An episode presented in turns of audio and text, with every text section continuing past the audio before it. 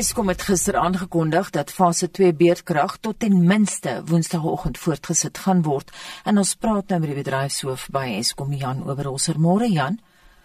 En dit gaan dit Man, dit gaan nie goed met my nie want my yskas werk nie vanoggend nie en al my kleiner liggies werk nie, maar die hoofligte werk. Ek weet nie wat presies dit met beerkrag te doen nie en hoe dit werk nie. En ek hoop nie dit gaan my nou 'n klomp geld kos nie, maar julle het er die naweek sukses gehad met herstelwerk by Matimba en by Medupi, maar daar is probleme by vyf kragstasies of hoe Jan? Ja, ons uh, nie dat er redelik hoeveelheid uh, uitdagings op die oomblik. So uh, ja, ons sit met groot uitdagings by veral Duwa uh, by Tutuka Crew en dan uh, selfs die nuwe stasie Kusile, maar ek sien Kusile vanoggend twee van die eenhede is is is terug. So hulle op die oomblik is is lewer kapasiteit op die stelsel maar veral Duwa Tutuka en Crew het ons uh, relatiewe groot uitdagings. Mhm. Mm as jy sê groot uitdagings tot wanneer gaan julle hierdie uitdagings sê? Ons het in die inleiding gesê tot Woensdag, maar ons het nou al gesien met kragprobleme Jan, dit duur dikwels langer. Ja, kyk, uh, ons het oorspronklik geglo, jy weet, die teen Vrydag kan en miskien oor die naweek behoort ons die beurtkragte kon kon ophef. Maar nou ja, ons het 'n baie swak naweek gehad in terme van onderbrekings met uh van ons krag uh, van die eenhede by die kragstasie. So op die oomblik vandag sal ons voortgaan met uh, met beurtkragfase 2 op. Uh, ons verwag twee eenhede ten minste vandag terug, een by Kriel en hopelik een by Matla laat vir vanaand uh en dan Grootvlei so deur die nag. En dan môre verwag ons twee van die groot eenhede. Ag, oor môre verwag ons twee groot eenhede terug. So op die oomblik uh, môre fase 2 uh, voorsien ons definitief en ek glo ook op op Dinsdag fase 2. So uh, en en dan kan ons begin uh, ek dink dit gaan baie positief raak dan nie van Woensdag se kant af vorentoe. Afhangende, jy weet, ons stelsel is so onbetroubaar en onvoorspelbaar. Mm. Laat kom ons betrou dat uh, jy weet uh, ons nie te veel onderbrekings gaan hê in hierdie tyd wat ons nou hard werk om hierdie beerdkrag op te hef nie. Janus, jy het 'n leerkurwe. Pas julle goed aan soos wat julle nou werk aan die stasies. Sanita, ja. Uh, jy weet dit is 'n moeilike moeilike situasie waar ek myself bevind, jy weet, as jy maar 'n kragstasie is 'n uiters komplekse uh, besigheid, jy weet. Uh, en, en, en as jy as jy kyk wat daar aangaan en die ses eenhede wat, wat jy daar het, as jy dit verwaarloos het vir 'n baie lang tyd en ons sit ook met uitdagings in terme van leierskap, ons sit met uitdagings in terme van ervaring.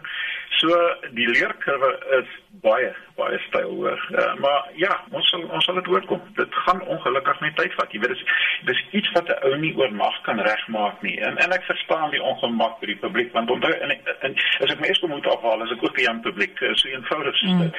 So ek verstaan dit heeltemal, maar jy weet ons kan nie wegwens waar ons is nie. En dit help nie jy blameer wat in die verlede gebeur het nie. Ons is waar ons is. Ons moet hierdie ding regmaak want ons verstaan absoluut ons mandaat, jy weet om om te verseker dat daar elektrisiteit is jy weet vir vir Suid-Afrika.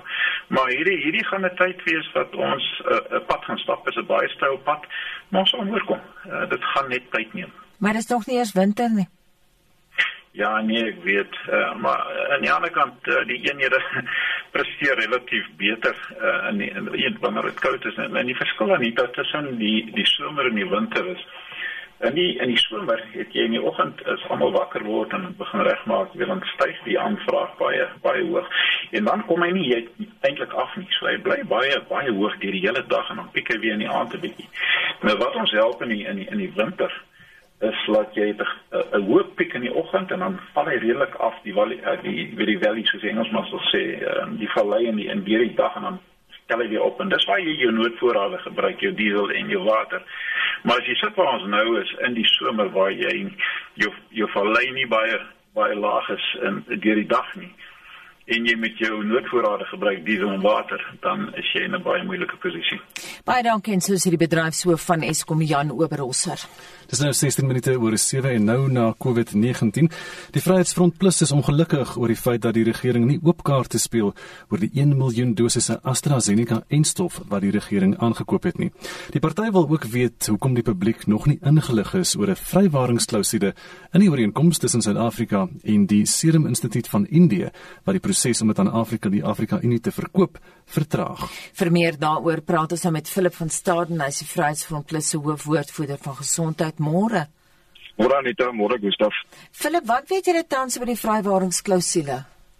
Tans weet ons as as as lede van die parlement absoluut niks oor die vrywarings-klausule nie. Dis waarom ons as Vryheidsfront Plus sê minister McKeesie moet eerlik begin opkaarte speel met Suid-Afrika en met die parlement self ook om hierdie vrywarings-klausule bekend te maak. Hierdie afgelope uh, week wat verby is, uh, die afgelope donderdag toe die berigte in die media verskyn oor die vrywarings-klausule, is die eerste woord wat ons daarvan gehoor het. En dis waarom ons waarom ons pertinent sê dat die minister moet begin opkaarte speel en, en hierdie vrywarings-klausule openbaar moet maak en sê wat Suid-Afrika met die instof gaan doen indien dit nog nie in Afrika Unie verkoop is nie. Jy moet onthou minister McKeesie het op 10 Februarie reeds voor die komitee portefeulje komitee van gesondheid verskyn en daar het hy gesê dat AstraZeneca sal vir die ander instowwe verruil word. Uh, ander lande stel daarin belang om dit te koop. Uh, hy sê hy het ook genoem dat die 120 miljoen rand wat vir die 1.5 miljoen dosisse um, aangewend is nie vermors sal word nie en dat die oorblywende 500 000 dosisse wat gelewer sou word deur die Serum Instituut van Indië is gekanselleer. En hy het ook daarop bygevoeg die hele saak het ontaard nadat die regering eers hiervan ge gehoor het op 5 Februarie van die situasie bewus geword het rondom AstraZeneca en was dit eers deur die wetenskaplikes op Sondag 7 Februarie gepubliseer. Hmm. En volgens hom was daar daardie stadium beloofde resultate gewees en wetenskaplikes het hy gesê sou self verder met kom verduidelik in die komitee wat er gebeur het nie. En waarom die probleem met AstraZeneca? Die groot probleem met AstraZeneca is dit is dat die Afrikaanse proewe het getoon dat ehm um, AstraZeneca slegs 'n uh, 27% beskerming bied teen die huidige Suid-Afrikaanse variant van die virus. En dit is waar die groot probleem aankom. Die groot ander groot probleem ontstaan ook hoekom wil die Wêreldgesondheidsorganisasie nou nog 'n verdere 2.4 miljoen dosisse uh, AstraZeneca uh, aan Suid-Afrika lewer as dit op hierdie stadium geen uitwerking op die nuwe Suid-Afrikaanse variant het nie. Dis egter die probleem waarmee ons sit en dit is die die, die verduidelikings wat wat ons glo Suid-Afrika en lede van die parlement uh, benodig op hierdie stadium. Het jy al met die minister kontak gemaak? Wat is die saak verder vorentoe nou? Wel ons praat ons ons ontmoet teen teen donderdag ag die volgende woensdag wat nou kom in die minister in die portefeulje komitee van gesondheid. Ek gaan ook kommunikasie vanoggend afstuur aan die minister persoonlik self doen nie as hy na sy ehm um, administrateur stuur maar nou persoonlik self doen. Dan sal ons miskien wanneer die aksie daar volgens gaan weet. So die interaksie sal dan natuurlik vandag begin plaasvind en maar ek ek glo vertrou hy sal Woensdag voor die portefeulje komitee verskyn. Baie dankie en so sê Philip van Staden die Vryheidsfront Plus se hoofwoordvoerder van gesondheid. En ons bly by COVID-19 en vir sy reaksie hierop praat ons nou met professor Bertram Fielding hoofwetenskaplike by die Universiteit van die Wes-Kaap se Virologie Navorsingsentrum Bertram goeiemôre. Goeiemôre Gustaf. Wat is jou reaksie op wat die Vryheidsfront Plus sê? Gustav, so ons weet dat AstraZeneca wel um, met sekere variante nie baie effektief is nie. Maar ons moet hou dat um, wanneer ons praat van hulle is nie effektief nie, dan praat ons van jonger mense, so dis ligte tot matige COVID.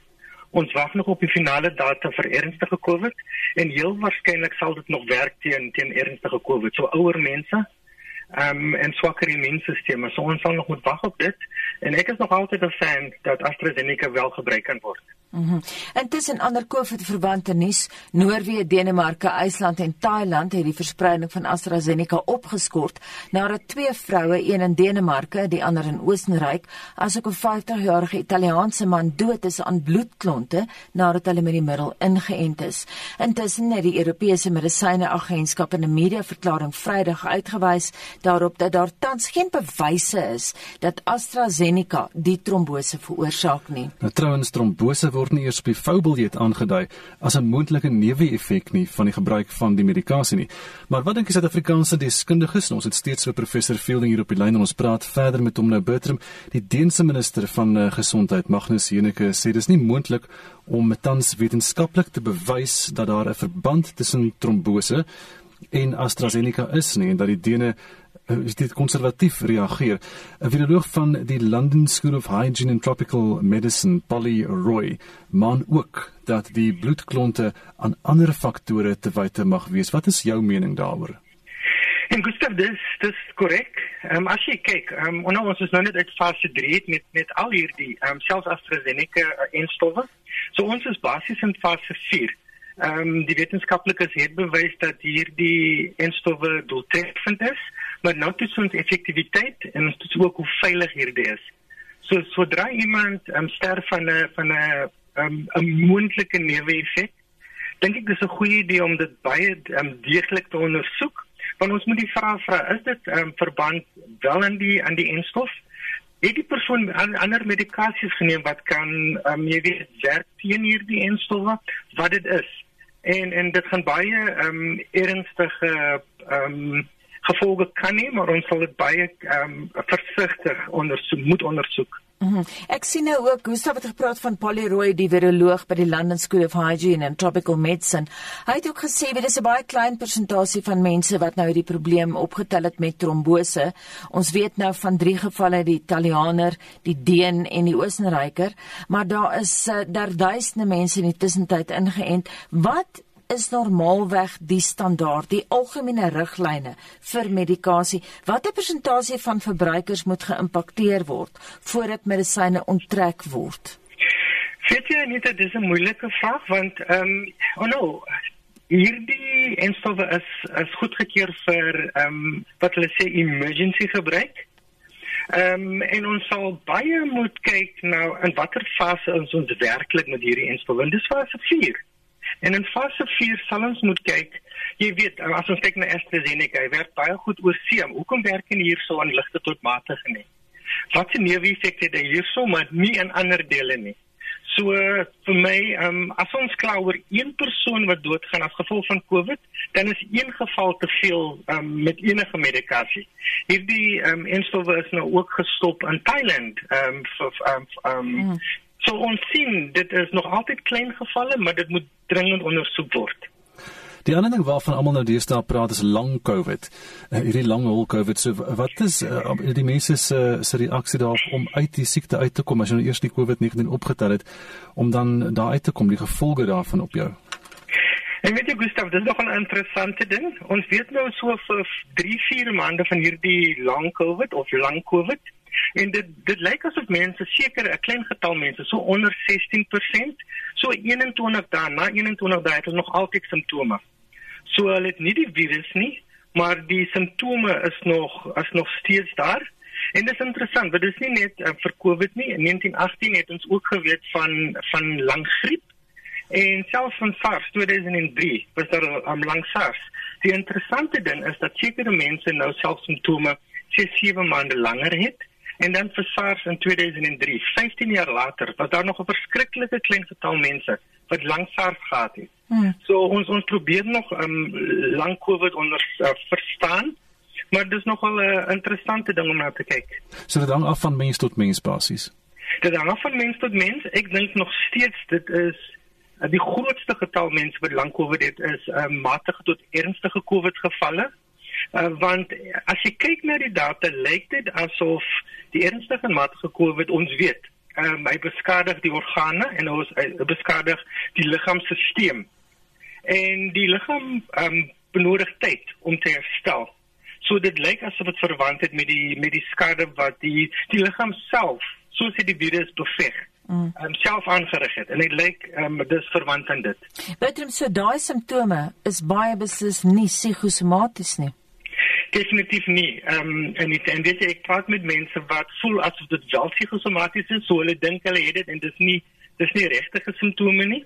Maar as jy kyk, ehm um, daar is nog altyd longprobleme, dis asemhalingsprobleme en veral as die persoon stres of hy oefen, ehm um, dan voel hy net verskriklik moeg en verskriklik tam en verskriklik seer en hy kan weer hoes. So dis definitief nie psigosomaties nie. Ons verstaan nog nie die die lang COVID ehm um, 100% sal jy sê 50% nie, maar ons weet ehm um, dis dis definitief regte simptome. Maar dit word oor die wêreld teen ernstig opgeneem. Nou ek weet Johns Hopkins Universiteit daar in Baltimore in Maryland is ook bekommerd daaroor en hulle is taamlik gerekend in hierdie storie. Meer en meer ehm um, wetenskaplikes kyk nou na dit want ehm um, jy weet ehm um, net om vir mense te sê na na 21 dae maksimum sal jy okay wees en jy sal nie simptome hê nie kan nogal ehm um, depressie veroorsaak as die persoon simptome tot 4, 5, 6 maande later het. Mm. So definitief groot groepe kyk nou dit op die oomblik. Petrem, ek sien daar's 'n groot debat oor of kinders lank COVID kan kry. So daar was 'n klein um, beriggie wat gesê het, ehm um, dit is wel in kinders en dit word wel in kinders gekry. Ek dink nog nie dit is oortuigende data nie, Anita. As jy kyk, ons weet kinders is baie ligte simptome in die meeste gevalle of in oorgrootste meerderheid asymptomaties So ek is nog nie ooreed nie, maar ons moet bewus wees dat dit dit kan heel waarskynlik ook in 'n klein getal kinders wees en ons moet bewus wees daarvan. Bertram, julle eie navorsing, ek sien nou 'n studie wat poog om te bepaal hoekom sekere koronavirusse gevaarlik is as ander. Dis nou 'n studie deur julle universiteit, trek nou internasionaal aandag. Nee, dis ek dis dis dis eintlik 'n studie van 'n PhD student van my met 'n ander kollega. Ehm um, en ons kyk na verskillende na 'n spesifieke proteïene ehm um, in hierdie virusse. Want ons almal praat van die spike proteïen En ons weet dit is baie belangrik vir die enstowwe en vir die virus om in die sel te kom, maar ons moet besef en ons moet onthou dat hoe dodelik hierdie virus is is verband en gekoppel aan ander proteïene in hierdie virus. Hierdie virus maak tot 29 ander proteïene. So ons moet verstaan as hierdie proteïene gevind word in al hierdie menslike koronavirusse. Wat maak hulle verskillend? Hoekom is sekere koronavirusse meer dodelik as ander? So dit moet bestudeer word baie dringend. Baie dankie Bertram professor Bertram Fielding hoofwetenskaplike by die Universiteit van die Wes-Kaap se Virologie Navorsingsentrum so 28 oor 7 nou en skrikwekkende statistieke is bekend gestel oor kinders in Suid-Afrika wat vrywilliglik hulle persoonlike inligting op aanlyn platforms met vreemdelinge deel. Kuberbekruipers slaan dan toe op die kinders. Meer en meer kinders word ook blootgestel aan kuberbullies wat hulle op aanlyn platforms aanval. Estie de Klerk berig. Die inligting is bekend gemaak deur 'n digitale risikobeskermingsmaatskappy Digimune in Johannesburg wat 'n studie gedoen het onder 200 Suid-Afrikaanse ouers. Teen die ouderdom van 10 jaar het sowat 30% van alle kinders reeds hul eie slimfone en 41% van kinders toegang tot 'n gedeelde slimfoon. En juis hierin lê die probleem. In die studie is bevind dat 35% van kinders slagoffers is van kuberbekruipers en 34% kinders deel vrywilliglik hulle persoonlike inligting met vreemdelinge op aanlyn platforms. Die adjunkpresident van sakeontwikkeling by Digimune, Rian Baardenor sê kinders word slagoffers van kuberbekruipers sonder dat hulle daarvan bewus is. Kinders glo dat die aanlyn wêreld waarin hulle vandag lewe op hulle rekenaarskerms en slimfone. Ons leer ons kinders van kleins af dat hulle nie uh, met vreemdelinge moet praat of enige persoonlike inligting met vreemdelinge moet deel nie. Kinders sal nie sommer net hulle selfoonnommer deel met iemand wat hulle buite hulle skool raakloop terwyl hulle vir hulle ouers wag nie. Die aanlyn platforms en uh sosiale media omgewings gee egter vir kinders die gevoel van veiligheid ons bevinding dat hulle baie maklik en vrywilliglik persoonlike en moontlik gevaarlike inligting met mense sal deel wat hulle so onlangs as 'n dag of twee terug op sosiale media bevriend het. Hy sê in die meeste gevalle was ouers geskok toe hulle uitgevind het hulle kinders deel vrywilliglik inligting met vreemdelinge. Aan die een kant het jy die ouers wat glad nie 'n idee het of moontlik nie wil weet wat hulle kinders op 'n dag tot dag basis aanlyn met ander mense deel nie. Aan die ander kant het jy die ouers wat glo dat hulle 100% bewus is van hulle kinders se daaglikse doen en late aanlyn. Beide van hierdie gevalle kan unieke gevare en uitdagings tot gevolg hê. Die grootste probleem is dat ouers tipies eers uitvind dat hulle kinders persoonlike of sensitiewe inligting aanlyn gedeel het wanneer dit klaar te laat is. En ons almal weet die oomblik wat hierdie tipe inligting in die kuberruimte is, is dit bitter moeilik om weer van al daardie inligting ontslae te raak. Baadnor sê verskillende inligting word met vreemdelinge gedeel. Dit hang gewoonlik af van die doelwit van die kuberbekruiper of die kuberkraker wat jou kind aanlyn probeer target het. Enige iets van fotos, fisiese adres, gunsteling uithangblekke. Party kuberkrakers sal selfs probeer om ouers se kredietkaartinligting uit jou kinders uit te kry. So dit is 'n definitiewe gevaar en ek glo nie dat ouers bewus is of bewus is tot op die punt wat hulle noodwendig moet wees om hulle kinders veilig te hou. Die studie het ook bevind dat sowat 36% kinders op aanlyn platforms beledig word en dat meer as 51% van kinders ook geboelie word. Kiberafknouery is nie baie anders as die tipe afknouery wat jou kinders in die gesig staar byvoorbeeld deur middel van 'n boelie by hulle skool nie. Een van die grootste verskille is egter die eksponensiële gemeenheid van die kuberafknouery. Kinders glo dat in hierdie slimfoon rekenaarskerm lewe van hulle, hulle voel veilig, hulle voel hulle kan goed sê wat nie noodwendig iemand in hulle gesig sou sê nie. En hierdie eksperiensiële gemeenheid het baie wyeer impak op ons kinders se emosionele bestaan. Dit kan lei tot verhoogde angstigheid, dit kan lei tot depressie. Dit kan selfs lei tot idees van selfmoord en in ekstreme gevalle selfmoord. Daar is ook bevind dat sowat 54% kinders toegang het tot ontoeganklike inhoud op digitale platforms. Ek sou ontoepaslike en ontoeganklike inhoud as enige inhoud beskryf wat kinders nie veronderstel is om toegang tot te hê nie. Hiermee praat ek enige seksuele eksplisiete video's en fotos fotos en video's van geweld. En die grootste probleem is hierdie inligting of hierdie inhoud is redelik beskikbaar vir ons kinders. En om die situasie nog erger te maak, kry een van hierdie kinders toegang tot van hierdie inligting of van hierdie inhoud en dit word dan aanlyn op hierdie aanlyn platforms en sosiale platforms met mekaar gedeel. Partner sê ouers moet hulle self en hulle families beskerm deur tegnologie in te span as 'n belangrike vroeë waarskuwingsstelsel en 'n effektiewe verdedigingslinie.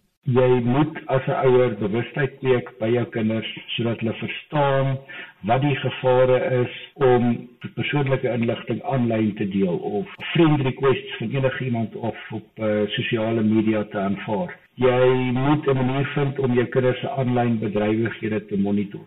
Jou as ouers se verantwoordelikheid om ten minste bewus te wees van wat op 'n dag-tot-dag basis in jou kinders se aanlyn lewe aangaan. Dit was die adjunkpresident van sakeontwikkeling by die digitale risikobeskermingsmaatskappy Digimune en ek is Estie de Klerk vir SAK nuus. En kom ons hoor wat sê ons luisteraars. Ja, ons praat oor tersiêre onderrig en wat jy dink daarvan moet dit gratis wees? Is daar ander maniere hoe ons studente kan help om befondsing te kry? Wat dink jy van hier's van ons luisteraars se mening oor die kwessie? Ek sou sê 'n definitiewe groot hoofletter ja vir gratis onderwys. Het sy laer hoër enige onderwys, enige opvoeding moet gratis wees in hierdie land. Laat ons wegbeweeg van die verlede af, laat ons wegbeweeg van dit moes ek doen en dit moet jy doen.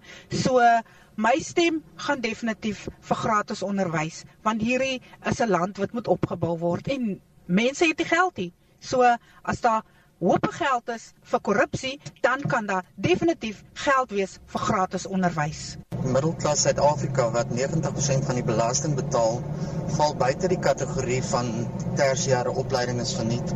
Ons sukkel om onsself te help. Ons moet honderde duisende rande betaal vir ons kinders wat wat moet gaan swat. Ons kry niks verniet nie. So wie gaan ons help? Ek is besig om um, my eie kind te help hier universiteit deur my door te werk en my bes te probeer om my kind hier universiteit te sit. Dit is my bydrae wat ek lewer. Indien ek in 'n situasie was wat ek meer mense sou kon help, sou ek dit doen. Maar my prioriteit lê eers by my eie kind. Op Facebook sê Anton Huber, die demandkultuur rek nou hand uit en moet se muur gestop word. Ons moet werk om te konsideer. Die ANC gebruik belastinggeld om stemme te werf en is besig om die land bankrot te bestuur. En nog iemand laat weet op WhatsApp, ek verstaan dat jy moet betaal vir studies, maar hier is skaars werk in die land. So hoe gemaak onnodige miljarde is vermors op SAL en ander instansies wat nie meer in 'n werkende toestand is nie en dan vind bedrog nog steeds plaas in die straat. Jy het vir ouers kans om met ons te praat en jou mening te deel oor die kwessie, kan 'n SMS stuur na 45889. Dit gaan jou R1.50 kos. Kan saampraat op facebook.com voor die skynstrip ZRSG of stuur ons 'n WhatsApp stemnota na 0765366961. Dis 0765366961. So 21 minute voor dit kom by 8uur en is nou tyd om te kyk na die naweek se sportgebeure. Daar was baie opwinding geweest. Pieter van der Berg staan gereed met 'n oorsig. Môre Pieter. Môre sê Gustaf. So verskeie rugbywedstryde is in die naweek nou in die buiteland gespeel en daar was 'n paar uh, waar die punte verskil maar min was, né? Ja, jy is baie reg. Byna al die wedstryde se punteverskil was baie klein behalwe die wedstryde in Nieu-Seeland. Nou in Australië se eie Super Rugby reeks het die Rebels 'n wegoorwinning van 10-7 oor die Western Force bal en die Reds het die Brumbies gaan top op hulle tuisveld met 40-38 nadat die Reds in die doodsnike daardie wen 3 gedruk het en verdoel het. Dan in die Seelandse Autoria reeks was beide tellings presies dieselfde. Die Crusaders het die Chiefs met 39-17 geklop en so ook die Blues die Highlanders met 39-17.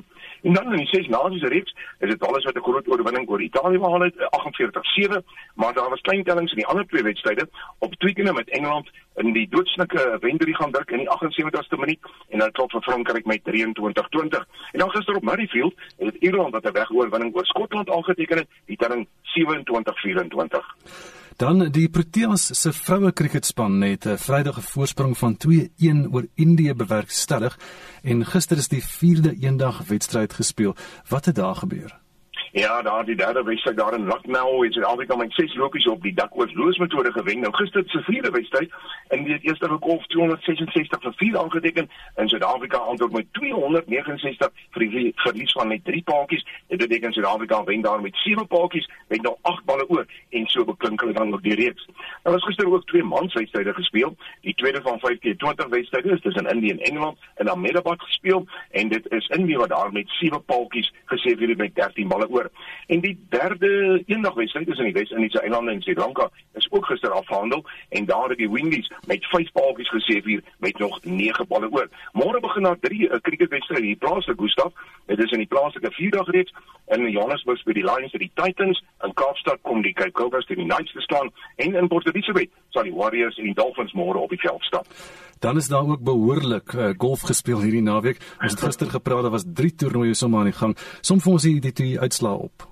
Ja, op die plaaslike front is die Sonskynreeks se spelerskampioenskap op Duinfin en Foyes gespeel. Nou drie spelers het gesamentlik op 25 onder geëindig en die volboustryd het Jake Roos op die eerste bytjie uitgeval en dis nadat ehm um, Jaco Prinsloo en Daniel van Tonder beide arende op daai 18 aangeteken het. Hulle is terug 18 minute vir die tweede keer. Hulle het beide voetjies aangeteken en met die derde probeerslag het Jaco Prinsloo wat die titel gebyt het. En dan in die Europese reeks in Qatar, uh, of die Qatar meesters dan gee dit daar in Doha, is dit Antonio Rosne van Frankryk wat op 800 geseëvier het. Daar was drie spelers op 700 wat Suid-Afrika se eie Darren Fugard insluit. En dan in die VSA was alle oop die spelerskampioenskap op 'n TPC Sawgrass daar in Florida en Justin Thomas het met die titel weggestap 1400 syfer, een beter as Lee Westwood se 1300. Bryson DeChambeau was gesamentlik in die derde plek en die besgeplaasde Suid-Afrikaner was Dylan Fritelli. Hy was op 500 gewees. Jy praat nou so van die golf in Qatar, maar daar was ook ATP tennis gewees uh, in Doha, so 'n besige sportnaweek daar in die golfarea.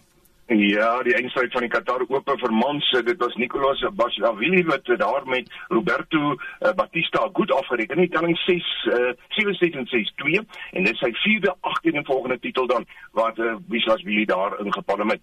Dan in die eindstryd vir vroue in Dubai, het Gabin Muguruza haar eerste WTA titel in byna 2 jaar gewen. Sy het Barbora uh, Krejcikova met 7-6 en 6-3 geklop. En natuurlik, alle sokkerwedstryde is in naweek ook afgehandel. Het jy vir ons die belangrikste uitslae daar? Ja, kom ons doen nog gister se Engelse Premier League. Man United behaal 'n wegoorwinning nie op hulle tuisveld verskoning, 'n oorwinning oor West Ham United van 1-0. Arsenal klop Tottenham Hotspur met 2-1. Leicester City 'n groot oorwinning oor Sheffield United van 5-0 en Brighton and Hove Albion het 'n wegoorwinning oor Southampton aangeteken van 2-1. En dan gister in die Nedbank beker hier in Suid-Afrika, Tacoma, hulle klop Black Leopards met 2-0 en Cape Town All Stars Hulle het die doel uitskietstryd teen Pretoria Kellys gewen met uh, nee verloor. Dis Kellys wat wen daar met 5-4. Ons sportmedewerker vanmôre is Pieter van der Berg nou so 16 minute voor 8 in die voormalige hoof van uh, die misdaad intelligensiediens Richard Mdluli wil hy die staat moet vir sy regskoste betaal. Die Hooggeregshof in Pretoria het verlede week gehoor Mdluli wil aansoek doen dat die staat sy regskoste betaal omdat die beweerde oortredings plaasgevind het terwyl hy in diens van die staat was. Mdluli het donderdag weer nie by die hof opgedag nie en regter Bert Bam het gelas dat die lasbrief wat vroeër vir sy regtenisname uitgereik is, toe hy ook nie hof toe gekom het nie, uitgevoer moet word. Lila Magnus het meer Die voormalige hoof van misdaadintelligensie, Richard Mdluli, staan saam met Solomon Lazarus en Heine Barnard tereg op 'n klomp aanklagte van korrupsie, bedrog en diefstal nadat hulle glo die grouwe misbruik van gelde uit die misdaadintelligensie se geheime fonds verdoesel het. Die rekening is onder meer glo aangewend om te betaal vir private reise na China en Singapore. Ndluli dien tans 'n 5 jaar vonnis uit in die Johannesburgse tronk nadat hy skuldig bevind is van ontvoering en aanranding van oupa Ramogibe in 1998. Ramogibe het glo ten tye van die voorval 'n verhouding met Ndluli se geliefde gehad met wie hy tradisioneel getroud was. Die 63-jarige Ndluli is verlede jaar September vir Amogibe se aanranding en ontvoering gefonnis. Sedertdien het hy nie by die Hooggeregshof in Pretoria vir enige van die hofdatums opgedaag vir die diefstal, korrupsie en bedrog aanklagte teen hom nie. Die woordvoerder van die nasionale vervolgingsgesag se ondersoekdirektoraat, Sindisiwe Twala, sê dit wil voorkom asof Ndluli die saak probeer vertraag deur nou te vra dat die staat sy regskoste dra. Initially we considered that maybe Mr Richard Ndluli is ill. However, at this current moment, we've also been told by his legal representative that they are yet to apply for state funding. Uh, they even brought uh, other matters saying that other high profile persons were actually given the leeway to be represented by, by, by legal representative rather appointed by the state on their behalf, which they didn't have to foot a bill for because it was uh, corruption or fraud that happened during their tenure executing official duties uh, of government. However, that's another delay tactic. We just want this matter to proceed. We must say we inherited this case as the investigating director. It's been in and out of court since 2011. Ndluli het met vorige hofverskynings deur sy regspan aangevoer hy is te siek om hof toe te kom. Regter Bert Bam het vandag gelas dat hy in hegtenis geneem word en gesê hy is in kennis gestel dat Ndluli bewus is van die lasbrief. Twala verduidelik At the previous sitting, still in this month, he was ordered by Judge Bam to come to court. A warrant of his arrest was actually issued. Um, however, he's still not come to court today. Um, his lawyer was at pains trying to explain why he couldn't come to court. But what we have been reassured of is that on the 26th of March, he has a warrant of arrest will be issued. He'll literally be uh, taken from court, from, from where he's currently being kept for a different charge and brought uh, to court on the 26th of March. Bernard Lazarus en Ndluli sal vir die eerste keer op 18 Junie saam in die hof verskyn vir die voorverhoor nadat Ndluli op 26 Maart alleen in die hof moet verskyn. Ek is Lila Magnus vir SAK nuus in Pretoria. Vir wêreldnuus gebeure sluit Essie de Klerk nou by ons aan in ons begin in Myanmar waar aktiviste sê minstens 38 mense is gister dood en nog 'n bloedige dag 'n polisiebeampte is ook dood. Nou Aung San Suu Kyi wie se party in November die verkiesing daar gewen het, is intussen deur die junta aangehou. Sy word nie toegang gegee tot wêreldleiers of menseregte groepe nie en sy moet vandag voor die junta verskyn op aanklagte en Essie vir ons die agtergrond daar. Ja, nie daar gister se gevegte het in die stand Yangon plaasgevind en meer as 80 mense sê hulle is al dood sedert die staatsgreep daar op 1 Februarie begin het. Die BBC se Nyan Chang Ai doen verslag en in die agtergrond kan ons klank hoor van betogers wat steeds daar op potte en panne uh, in panne slaan. More than a dozen unarmed protesters were reported to have been killed for the past 24 hours. People here feel like words are not enough to stop the regime's brutalities.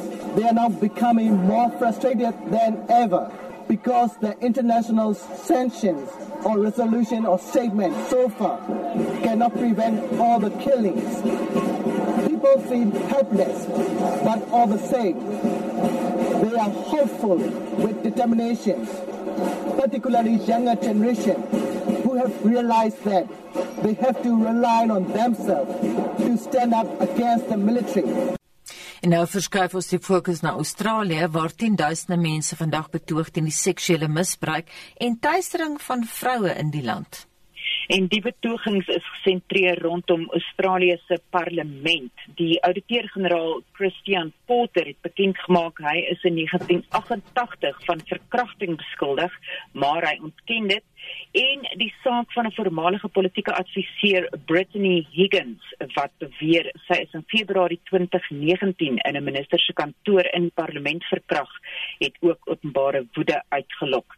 Meer as 40 betogings word landwyd vandag gehou. Die BBC se Shamia Khalil doen verslag uit Canberra.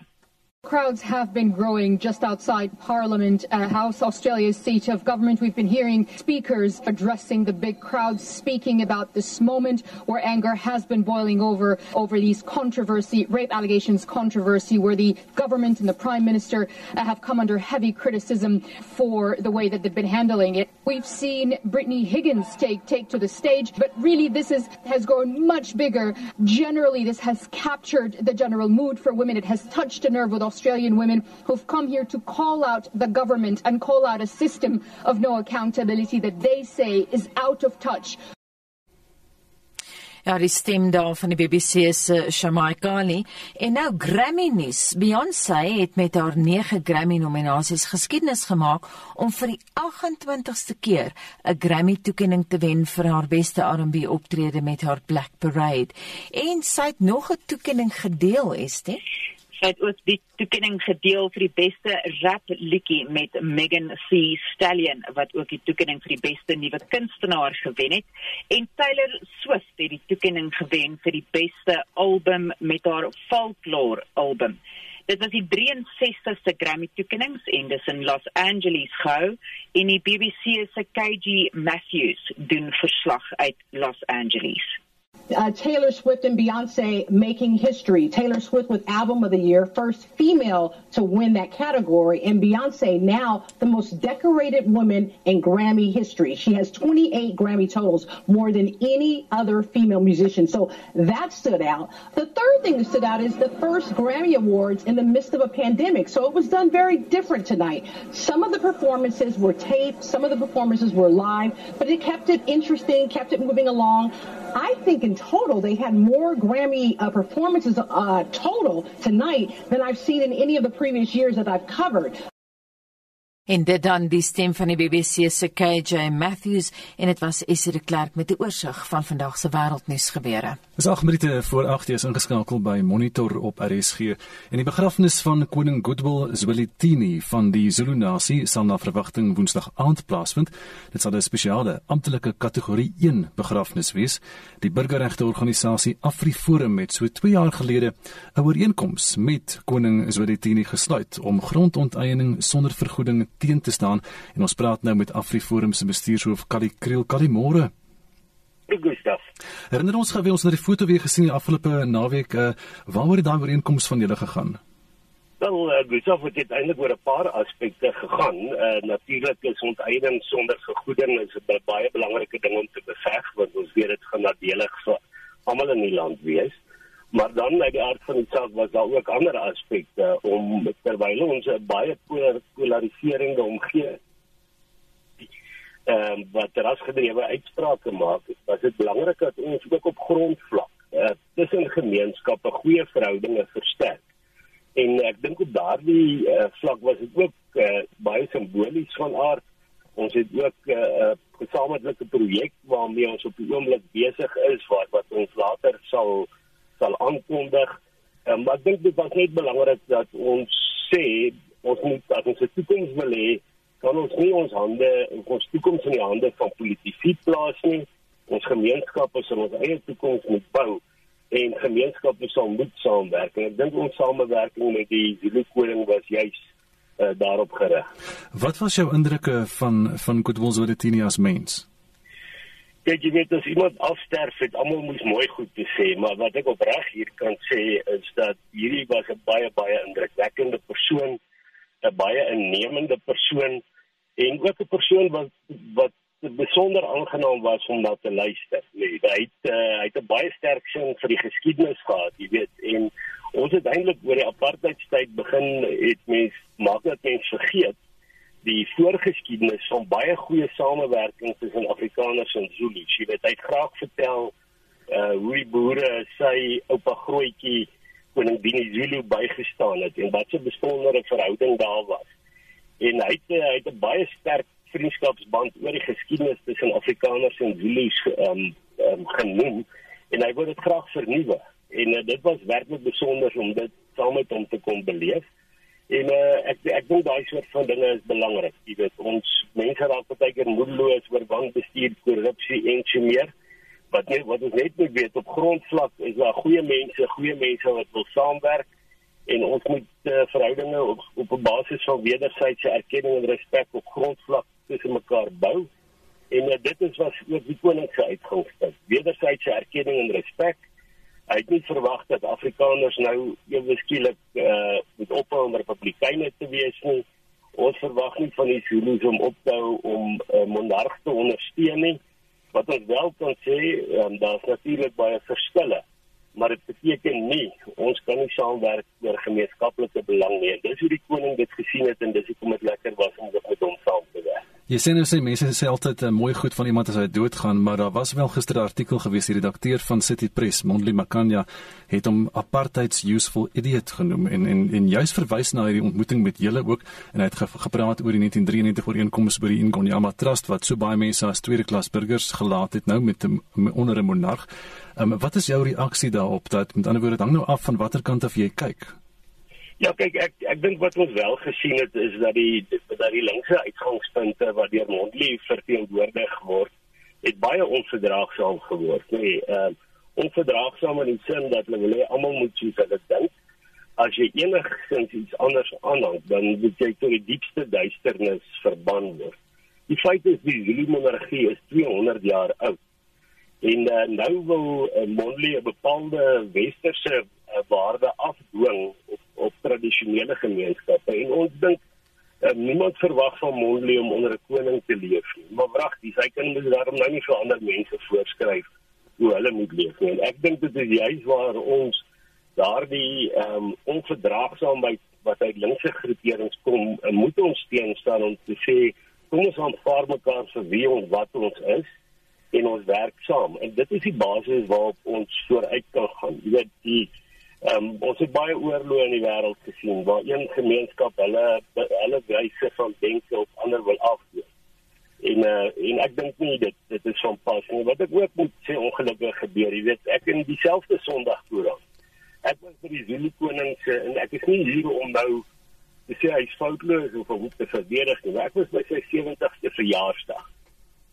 Kali baie dankie. Dit was Afriforum se bestuurshoof Kali eh, Kriel wat met ons vanoggend gepraat het oor die koning van die Zulu nasie, Goodwills Wetini, wat dan uh, Woensdag aand begrawe gaan word. Ons het wel nog tyd vir luisteraars se terugvoer. Marlenae sê jy eh, word oorval vanoggend. Inderdaad, inderdaad. En hier is heelwat mense op ons WhatsApp lyn wat met raad vorendag gekom het oor die kwessie van gratis tersiêre onderwys is Hoppies Eis van Swellendam.